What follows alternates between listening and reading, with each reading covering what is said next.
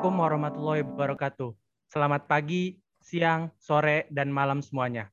Selamat datang di podcast Propaganda Politik. Podcast Propaganda Politik sudah memasuki episode ketiga, dan pada episode kali ini kita akan membawa tema mengenai pelanggaran HAM berat, dengan judul khususnya yaitu Kisah Kelam Tragedi 65.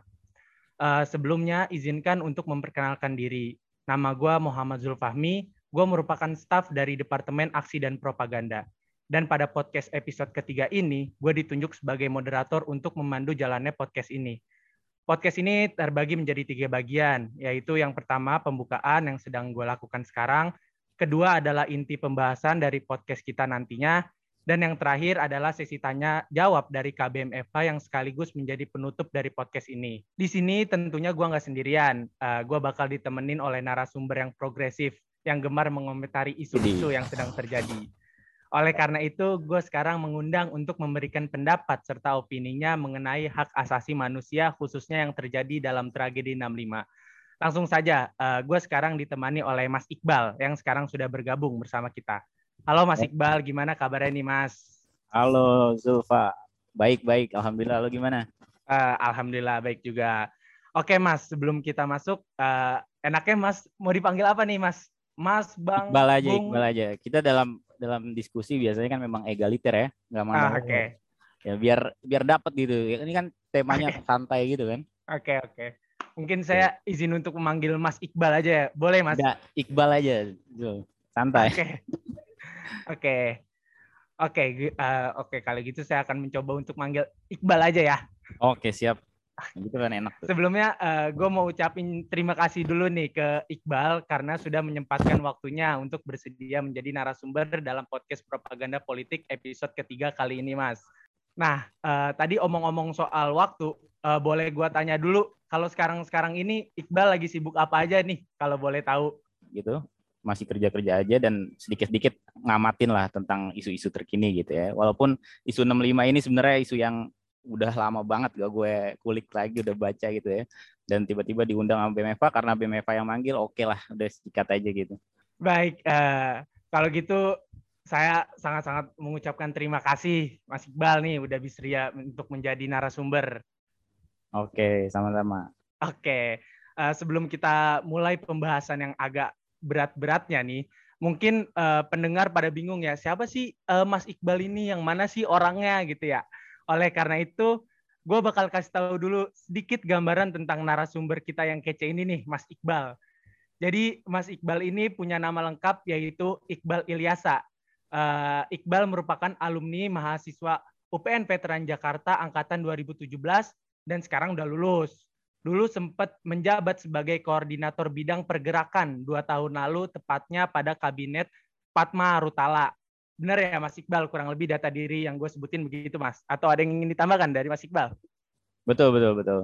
Oke, kalau gitu, nah udah saatnya nih Mas, yang ditunggu-tunggu. Uh, tadi di atas kita juga udah mulai pembukaan biodata mengenai narasumber. Uh, Mas Iqbal juga udah gue sampaikan. Dan selanjutnya gimana kalau kita langsung masuk aja nih Mas ke pembahasan podcast. Bagaimana Mas Iqbal? Bisa dimulai?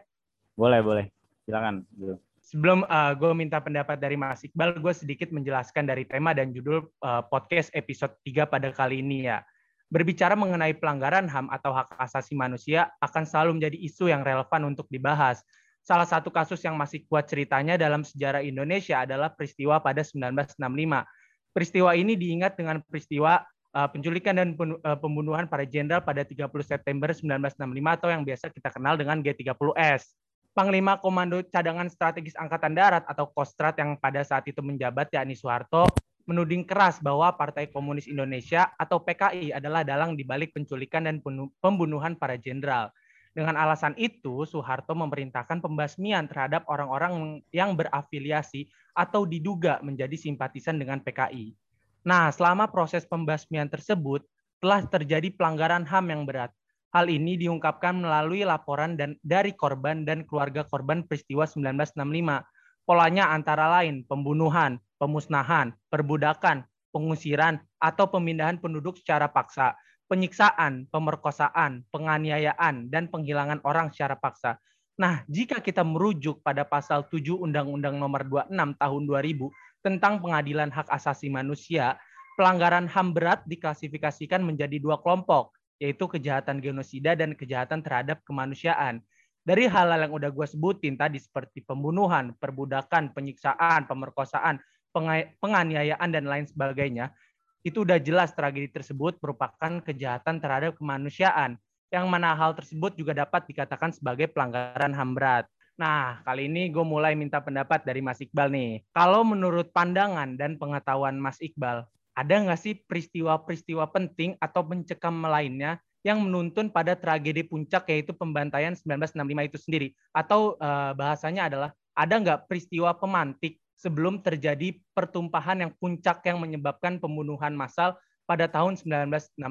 Bagaimana opini Mas Iqbal? Silakan Mas Iqbal. BEM Eva uh, untuk bicara tentang 65 yang mana sebenarnya gue juga bukan peneliti gitu ya, bukan skripsi gue juga bukan tentang 65 dan lain-lain, tapi mengikuti lah sedikit-sedikit tentang 65. Jadi jika ada ada yang kurang gitu ya Zul ya, nggak apa-apa ya. Berarti uh, mudah-mudahan pendengar bijak gitu ya, untuk bisa memahami lah sedikit pengetahuan gue ini ya, sepanjang yang gue baca gitu.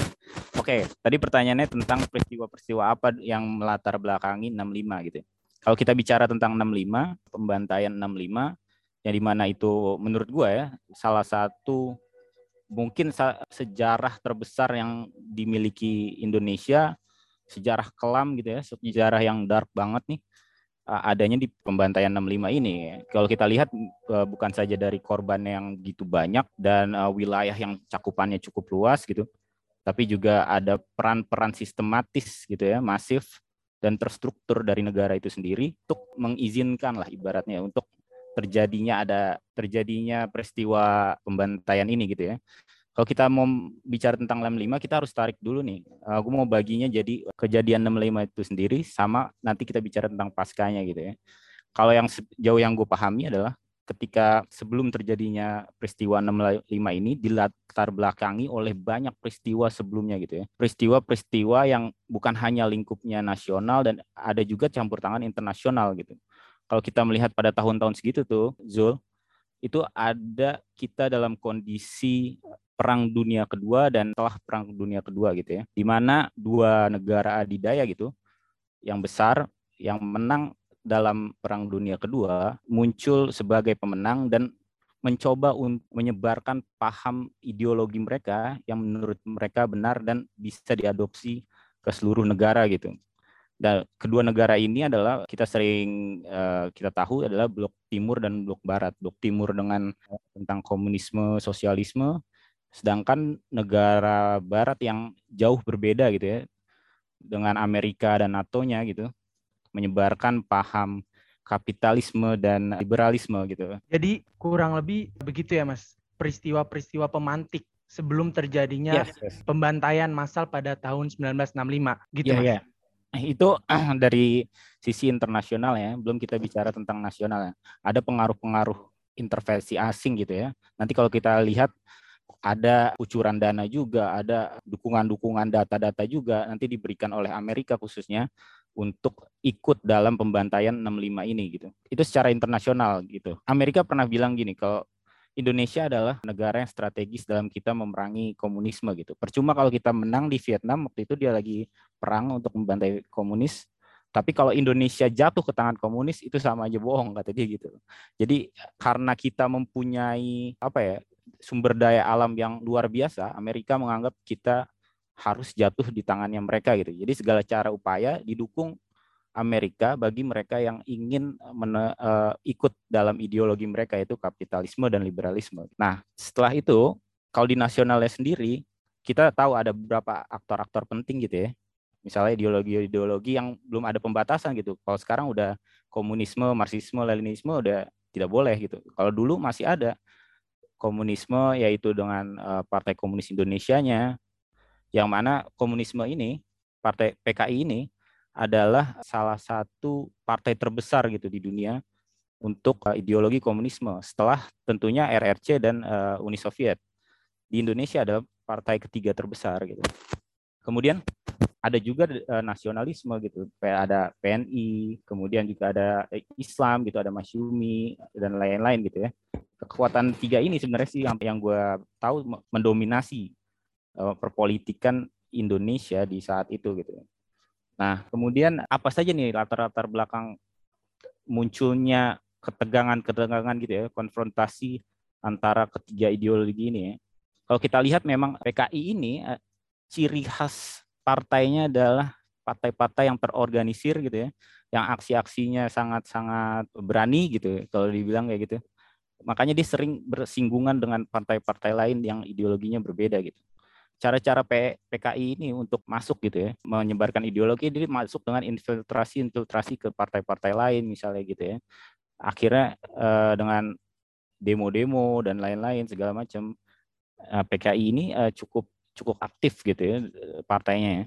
Kemudian ada juga yang latar belakangi kasus-kasus gitu sebelum terjadinya 65 gitu. Banyak hal-hal negatif yang dilakukan PKI itu sendiri sebelum terjadinya 65. Well, gue beberapa sudah menemukan gitu ya, gue riset sedikit gitu ya, ada peristiwa Pakis Surabaya, yaitu keterlibatan terhadap penertiban bangunan-bangunan liar yang mendapat tentangan dari PKI gitu ya. Terus ada peristiwa Bandar Betsi, Sumatera Utara, di mana pembunuhan terhadap petugas keamanan PPN yang sedang menjalankan tugas pengamanan. Ada peristiwa Kanigoro Kediri juga antara Islam dan PKI ini. Peristiwa anti agama dengan menyebu, menyerbu sebuah pesantren mengenai, menganiaya guru dan muridnya serta menginjak-injak kitab suci Al-Quran. Jadi ini memang sudah mencoba ya pada tahun-tahun itu untuk untuk menguasai lah ibaratnya gitu. Kemudian kalau kita bicara juga ada kejadian-kejadian penting gitu yang harus kita bahas juga sebelum terjadinya 65 gitu. Gua harus sebut ada salah satu peristiwa yang dilakukan oleh PKI tadi termasuk peristiwa Medion Madiun tahun 48 gitu, di mana akhirnya PKI pun kalah gitu ya, pimpinan Amir Syarifuddin dan Muso itu akhirnya bisa ditumpas. Tapi ini jadi hal-hal yang nantinya bahkan sampai sekarang gitu ya, ada pembenaran terhadap pembantaian 65 karena eh, kesalahan-kesalahan PKI lah ibaratnya gitu di tahun-tahun sebelum 65 gitu. Makanya kita harus bahas ini dulu latar belakangnya supaya kita bisa lihat gitu logika-logika ini apakah dibenarkan gitu ya atau melompat-lompat aja gitu. Jadi pembenaran terhadap kejahatan yang didasari oleh kejahatan gitu ya. Apakah kita bisa kayak gitu, kita lakukan kayak gitu. Nah, nah terus juga ada eh, peristiwa-peristiwa besar juga uh, di mana ketika peristiwa Madiun PKI sudah uh, sudah uh, kalah gitu ya, ya pimpinan Amir Syarifuddin dan Muso itu tiba-tiba PKI merebuild lagi gitu, merebuild lagi partainya di bawah pimpinan Aidit, di mana puncaknya adalah tahun 1955, 1955 pemilu pertama yang dilakukan Indonesia, PKI ternyata suaranya bagus gitu, dia menang dengan urutan keempat gitu di bawah Masyumi, NU dan PNI tentunya. Dan uh, ternyata dia masih dapat simpati rakyat banyak gitu. 6 juta suara diperoleh oleh PKI saat itu gitu. Ada juga kecenderungan gitu ya ketika itu pemimpin kita pada itu pada saat itu Presiden Soekarno dekat dengan orang-orang beraliran kiri gitu komunis. Karena kalau saya baca bukunya Soekarno biografinya dia oleh Cindy Adam ya ada beberapa psikologis dia yang sangat-sangat terhina gitu ya oleh negara Amerika yang menyebarkan paham kapitalisme liberalisme di mana dia itu merasa tidak dihargai gitu. Di, berbeda dibandingkan dengan perlakuan Uni Soviet terhadap dia gitu ya. Uni Soviet memberikan bantuan-bantuan gitu pada pemerintahan Soekarno tanpa adanya permintaan balik gitu ya. Ibaratnya ngambil hati Soekarno-nya jago gitu. Sedangkan ada peristiwa gitu waktu Soekarno datang ke Amerika ketika itu presidennya presiden Eisenhower kalau nggak salah ketika dia datang gitu dia di terasa tidak dihargai gitu. Dia disuruh nunggu selama dua jam dan lain-lain gitu dan merasa tidak di welcome lah oleh Amerika. Amerika juga tidak membantu. Bahkan Amerika ikut campur dengan urusan nasional Indonesia gitu ya. Banyak akhirnya yang terungkap gitu.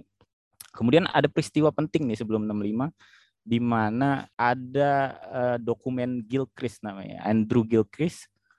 Dia itu uh, duta besar London untuk Jakarta, di mana dia dokumennya terungkap sedang berbicara terhadap duta besar Amerika gitu ya. gue lupa namanya siapa pokoknya intinya uh, dia berbicara ada aktivitas dari dia nyebutnya our local friend gitu yang diterjemahkan itu dewan jenderal gitu jadi ada orang-orang lokal Indonesia yang ingin mengkup kepemimpinan Soekarno gitu ya. Nah dewan yang di akhirnya Menteri Luar Negeri saat itu Subandrio ngasih tahu tuh ke Soekarno. Soekarno sangat marah ketika ada emang ini benar kata Soekarno gitulah intinya. Kalau bahasa sehari-hari gitu ya. Ini emang nih benar kata Ahmad Yani gitu. Dia bilang nggak benar, emang ada dewan jenderal, tapi tugasnya bukan untuk mengkup kata dia, untuk menggulingkan pemerintahan bapak gitu ya, tapi untuk lain itu urusan administrasi lah, gue lupa untuk apa gitu. Nah tapi di situ dia marah banget dan uh, Ahmad Yani juga yang ketika itu sudah agak hilang respect ya karena Soekarno waktu itu sangat kiri lah ibaratnya dekat dengan orang komunis dan lain-lain rasa dirinya tidak dihormati gitu oleh angkatan darat gitu ya akhirnya hal-hal itulah yang menjadikan Soekarno lebih dekat gitu terhadap uh, Partai Komunis Indonesia dibandingkan angkatan darat maupun Islam itu sendiri ya sejauh pengetahuan gue tentang sebelum terjadinya peristiwa 65 eh, itu Zul mungkin kalau ada tambahan boleh itu dulu coba. Oke, mantap sekali nih. Jadi, wah cukup komprehensif nih Mas uh, dari penjelasan.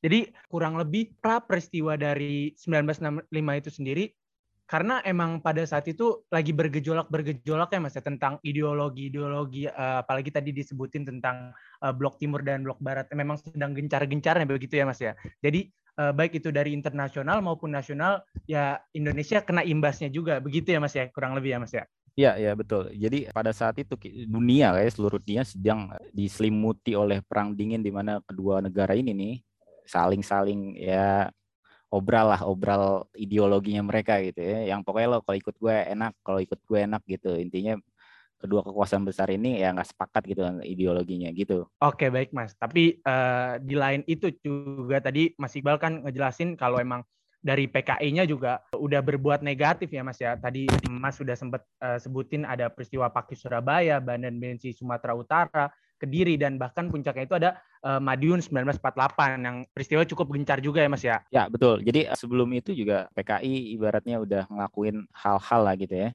yang di mana menentang pemerintahan gitu ibaratnya tidak sepakat dengan tidak sejalan dengan uh, pemerintahan saat itu gitu nah banyak juga gitu PKI dengan afiliasi-afiliasi organisasinya seperti Gerwani, BTI dan lain-lain konfrontasi gitu sama masyarakat gitu. Jadi ada konfrontasi horizontal juga antara PKI dengan uh, masyarakat gitu tentang lahan lah, tentang agama, tentang dan lain-lain gitu. Jadi PKI ini memang dibilangnya anak bandel lah ibaratnya gitu ya.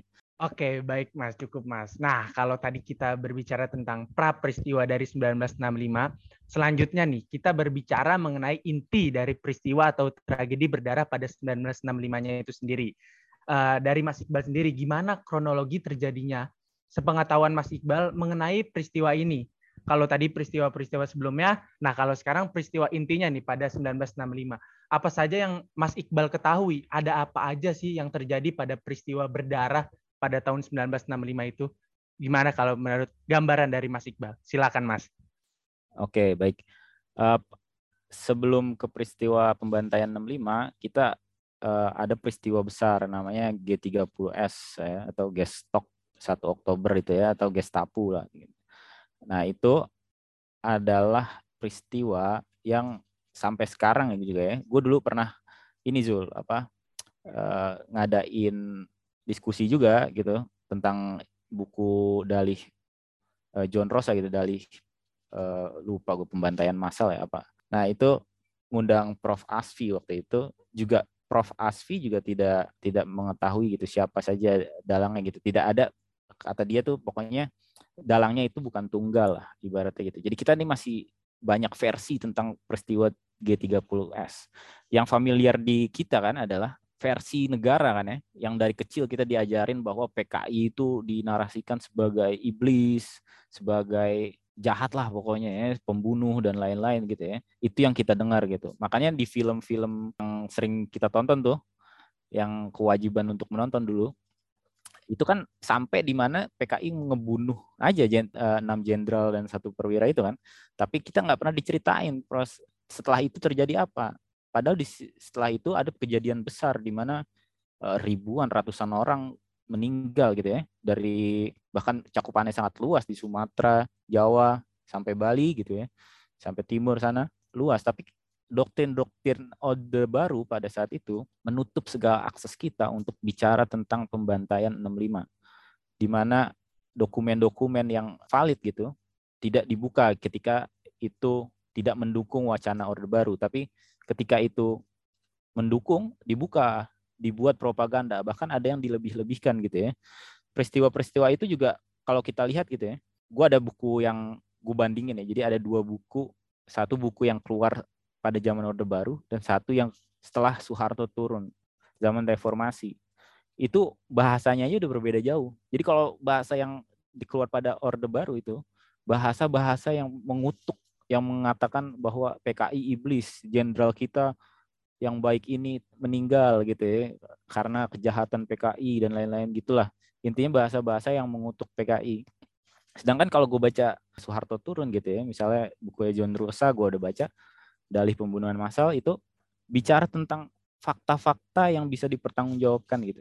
Misalnya pada saat itu narasi Orde Baru adalah ketika para jenderal dibunuh ada penyiksaan-penyiksaan gitu ya di mana dilakukan oleh Gerwani waktu itu ya untuk menyayat-nyayat alat kelaminnya lah, mencungkil matanya jenderal lah di, di lubang buaya itu yang meninggal ya.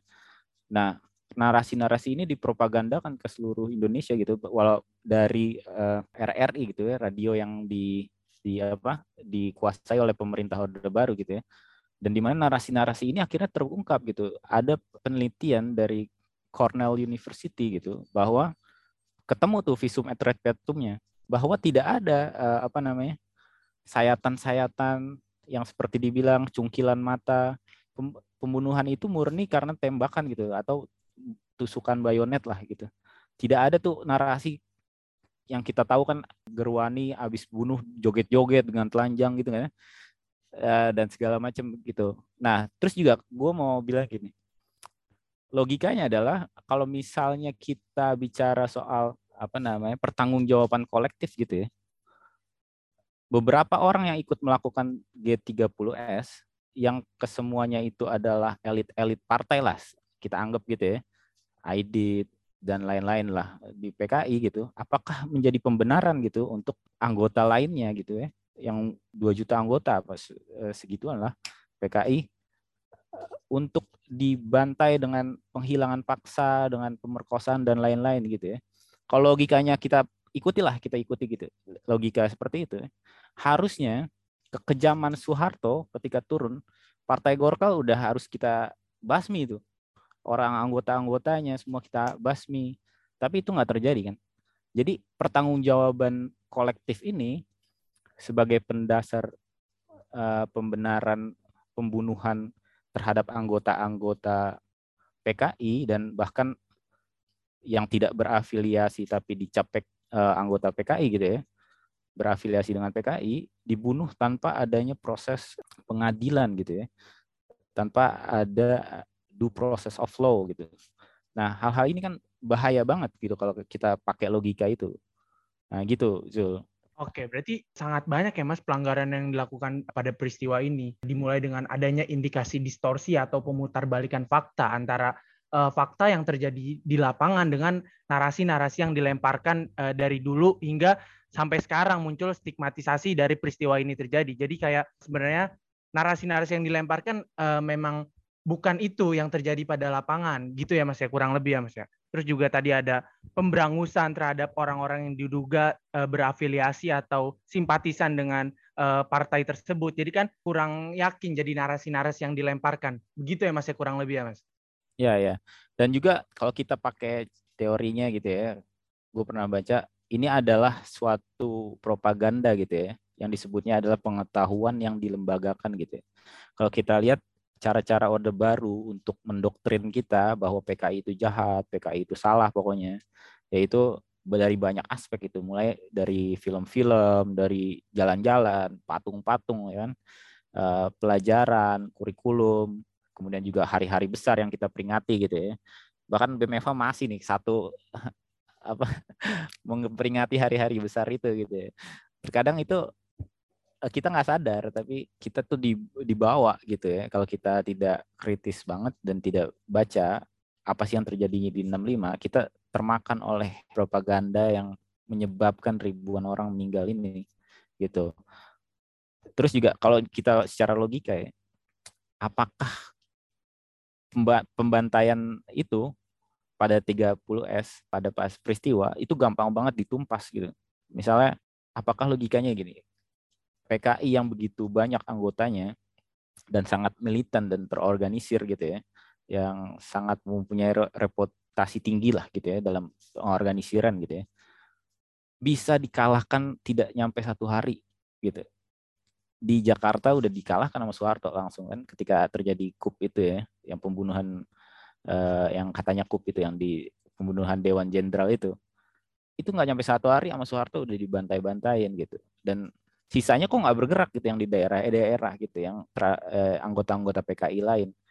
Apakah semudah ini gitu untuk uh, mengatakan bahwa anggota-anggota PKI yang terafiliasi terlibat dalam uh, pembunuhan enam jenderal satu perwira ini. Menurut gue nggak masuk logika gitu ya.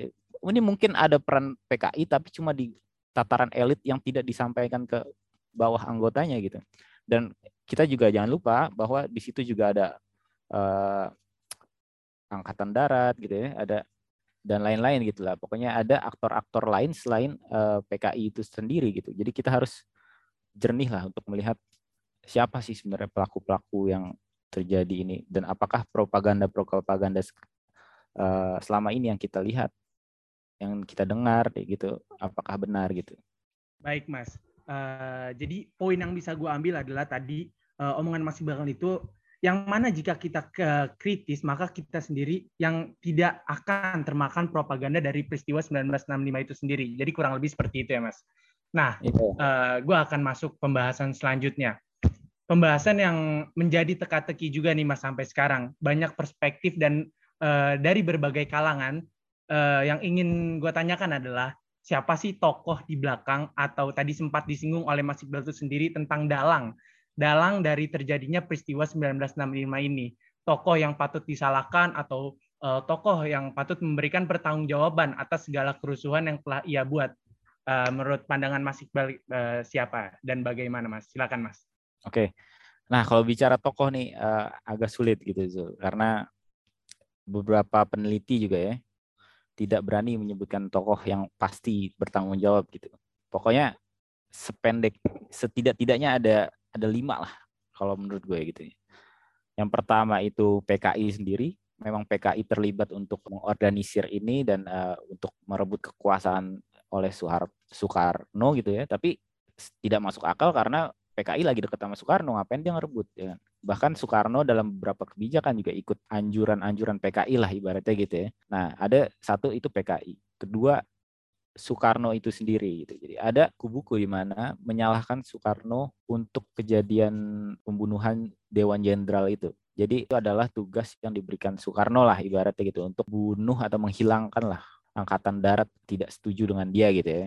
Dan ini juga menurut gue nggak terlalu masuk akal gitu ya karena sangat susah gitu kalau um, berbicara gitu karena bahkan Soekarno sendiri pun linglung ketika saat itu nggak tahu nih siapa yang lakuin gitu kan. Yang ketiga itu Soeharto udah pasti. The, Soeharto itu banyak buku-buku yang mereferensi bahwa dia tahu akan terjadinya G30S karena ada temennya lah teman dekatnya di salah satu pelaku juga Kolonel Abdul Latif kalau nggak salah itu memberitahu dia dulu sebelum sebelum dilancarkan rencana pembunuhan Dewan Jenderal ini.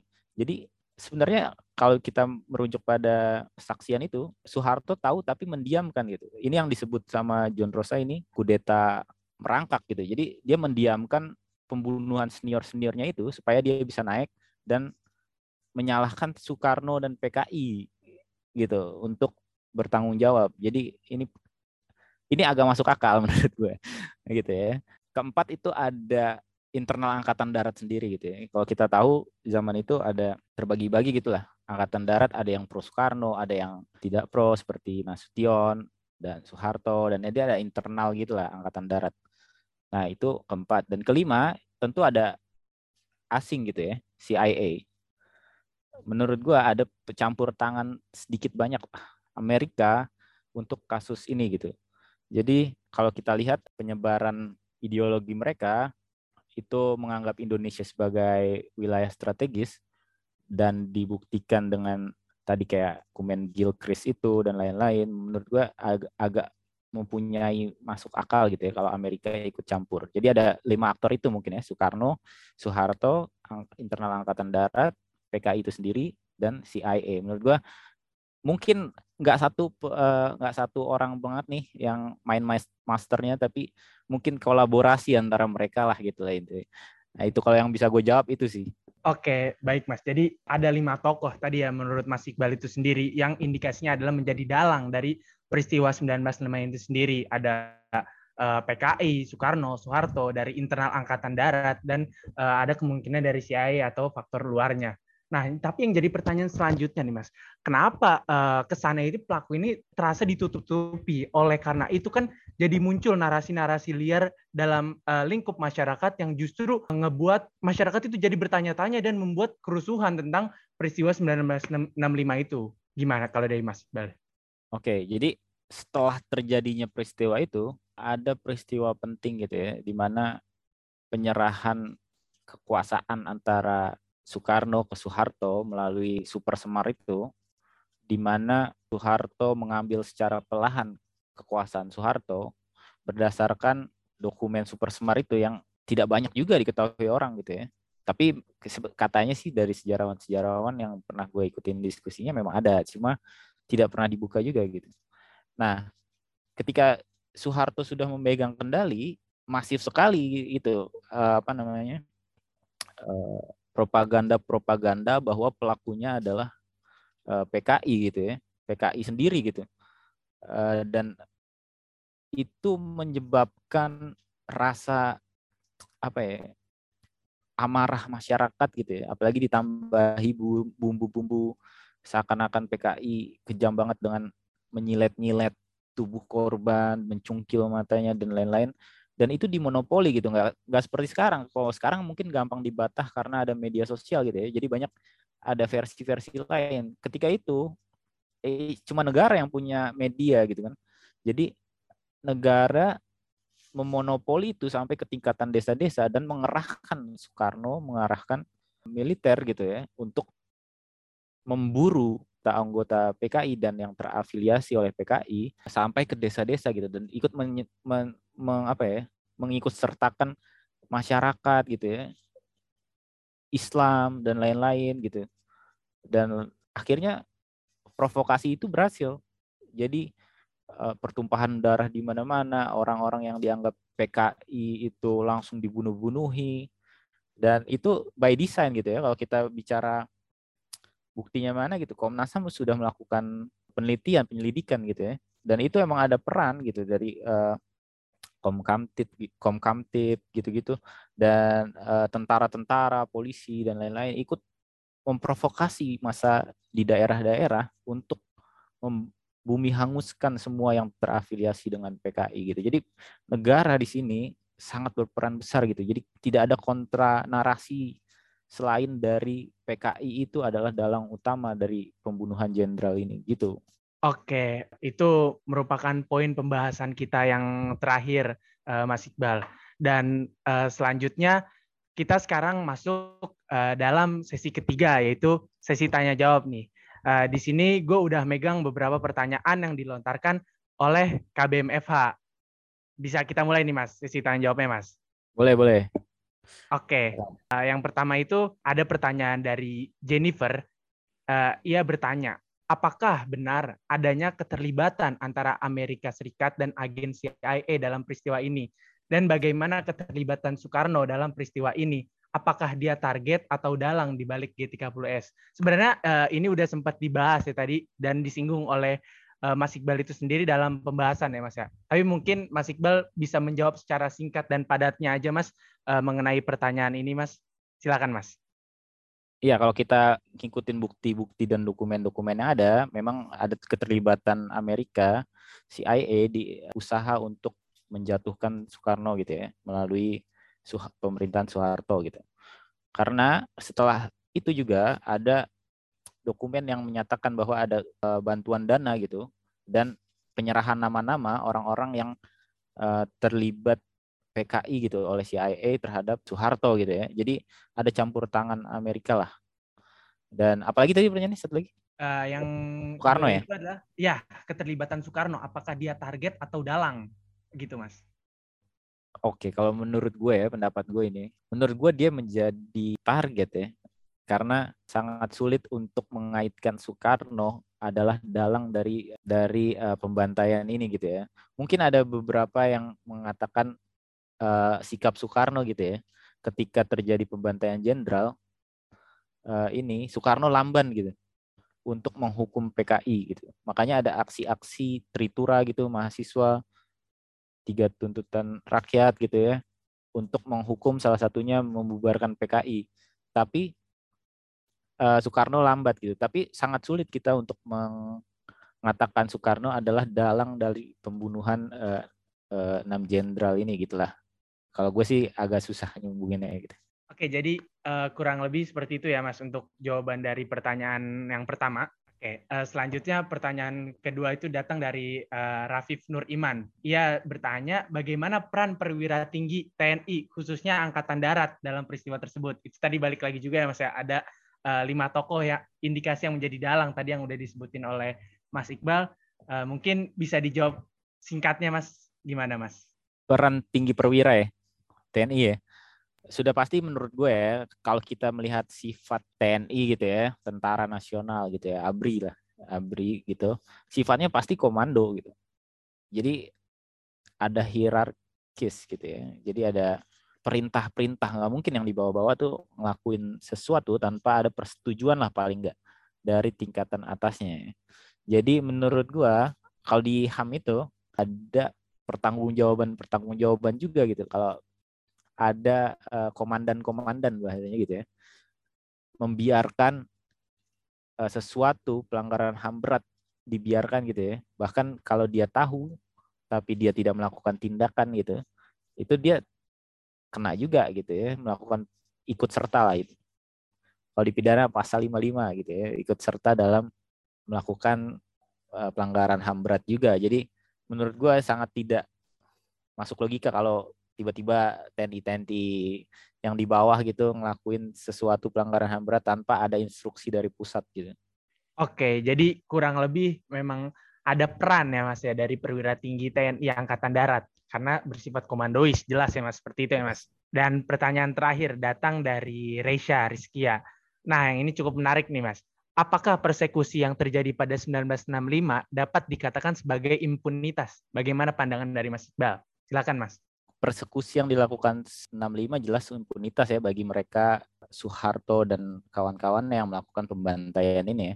Karena mereka sama sekali bahkan sampai mereka turun pun dia, mereka tidak diadili dengan secara uh, layak gitu ya, pertanggungjawaban pertanggungjawaban. Kita tahu kalau peristiwa 65 ini hampir semua orang mengetahui ada pembantaian orang-orang tanpa proses pengadilan yang benar gitu ya, due process of law ya uh, kalau kita mengacu negara hukum nih gitu ya, rule of law itu harus uh, salah satunya adalah penjaminan hak asasi manusia, terutama ketika uh, mereka melakukan uh, tindakan kejahatan harus diproses dengan pengadilan yang benar gitu ya.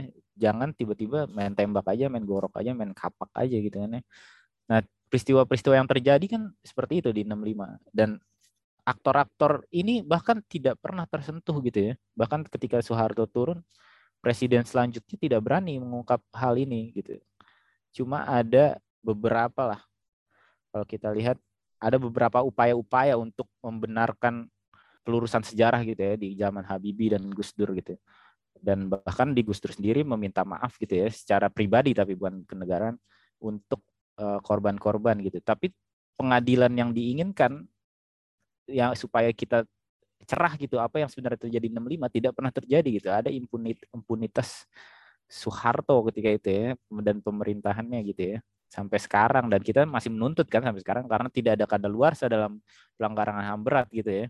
Makanya itu juga dulu sempat isunya RKUHP itu 2019 uh, yang kita tolak itu karena mau dimasukin gitu pelanggaran HAM. Takutnya karena dimasukin KUHP jadi ada pembantasan kadaluarsa gitu dalam pelanggaran HAM berat gitu ya.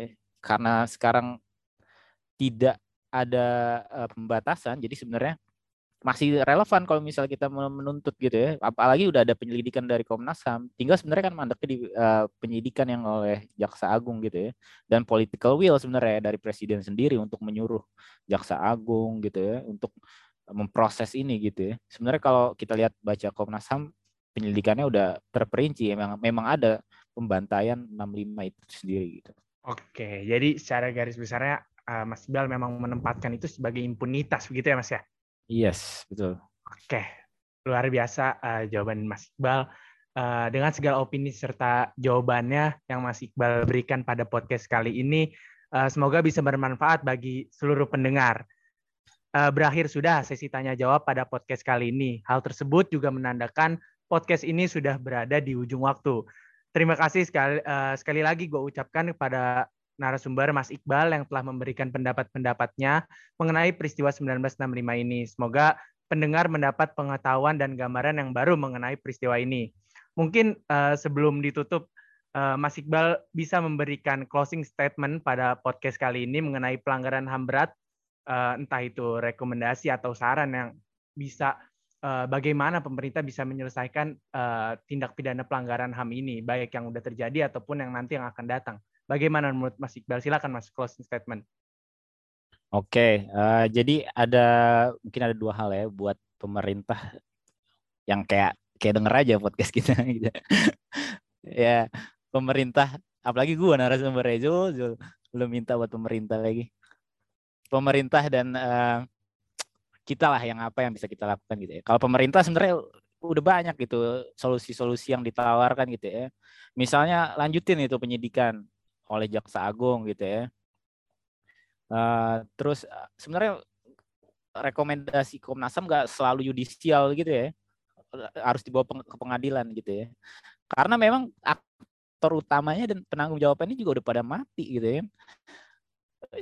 Jadi kita juga menuntut susah gitu. Tapi yang kita pengen adalah ada rekonsiliasi antara uh, korban gitu ya, pelaku uh, dan lain-lain gitu untuk biar mengakrabkan gitu ya isu-isu ini supaya tidak dipakai gitu untuk memecah belah bangsa. Setiap tahun kita dengar nih kode uh, Mei eh, September udah September atau apalagi tahun politik gitu. Kita dengar lagi diucapkan ada awas PKI, bahaya PKI gitu kan. Nah, itu yang kita mau ada keakraban semua orang terbuka menceritakan apa yang terjadi gitu. Dan tentunya ada uh, untuk korban sendiri ada apa ya ganti rugi lah gitu ya ada ganti rugi uh, kompensasi restitusi rehabilitasi gitu ya karena kalau misalnya kita lihat ya rekonsiliasi ini ada beberapa sudah dilakukan tapi dalam tingkatan masyarakat itu sendiri gitu. Jadi dalam tingkatan bawah negara nggak ikut campur gitu. Jadi ada kesadaran masyarakat gitu ya. Uh, generasi kedua generasi tiga gitu. Yang setelah korban saling rekonsiliasi bertemu menceritakan gitu ya. tapi diinisiatif oleh uh, masyarakat itu sendiri. Tapi yang kita minta adalah negara yang min, uh, apa namanya merekonsiliasi ini supaya menemukan solusi yang bersama gitu antara korban dan pelaku gitu ya. Dan untuk kita gitu ya uh, mahasiswa semua masyarakat sipil gitu ya gue rasa selalu bicara uh, melakukan diskusi diskusi kayak gini tuh kita bisa lakuin itu ya supaya ada alternatif jawaban lain tentang peristiwa tersebut gitu yang memang lebih dapat dipertanggungjawabkan daripada versi pemerintah Orde Baru gitu ya. Karena kalau kita melihat sebenarnya diskriminasi diskriminasi terhadap korban masih banyak gitu ya dilakukan ya. Uh, dan itu sampai anak cucunya mereka. Jadi kita sebagai generasi muda harusnya udah tinggalin itu tentang kisah-kisah kita mendiskriminasi eh, PKI dan cucu keturunannya gitulah Zul. Oke, mungkin saran dan rekomendasi Mas Iqbal uh, setidaknya walaupun tidak didengar oleh pemerintah, tapi uh, harapannya kan bisa didengar oleh masyarakat luas dan hal itu kan bisa menjadi uh, gaungan kita bersama untuk uh, memperjuangkan dari hak asasi manusia itu sendiri. Gitu ya Mas kurang lebih Mas. Amin amin amin. Kita pemerintah sekarang okay. kita nih agak budak, agak budak tuh. Ya, yang RKUHP okay. juga agak didengerin apalagi sekarang ya yang melibatkan banyak orang gitu ya pelanggaran HAM berat susah. Oke, okay, Zul. Oke, baik. Terima kasih uh, banyak Mas Iqbal untuk kalimat penutupnya. Uh, dan tak lupa juga gue ucapkan kepada uh, pendengar yang telah meluangkan waktunya untuk mendengarkan podcast yang semoga berisi ini. Dan jangan lupa share, like, follow uh, Instagram dan Spotify BEM Eva UPNVJ agar tidak ketinggalan informasi-informasi serta podcast-podcast selanjutnya. Uh, demikian, gue Zulfahmi izin undur diri dan menutup podcast episode ketiga kali ini. Kurang lebihnya gue mohon maaf, maaf jika ada salah kata uh, atau salah pengucapan. Wassalamualaikum warahmatullahi wabarakatuh. Panjang umur perjuangan.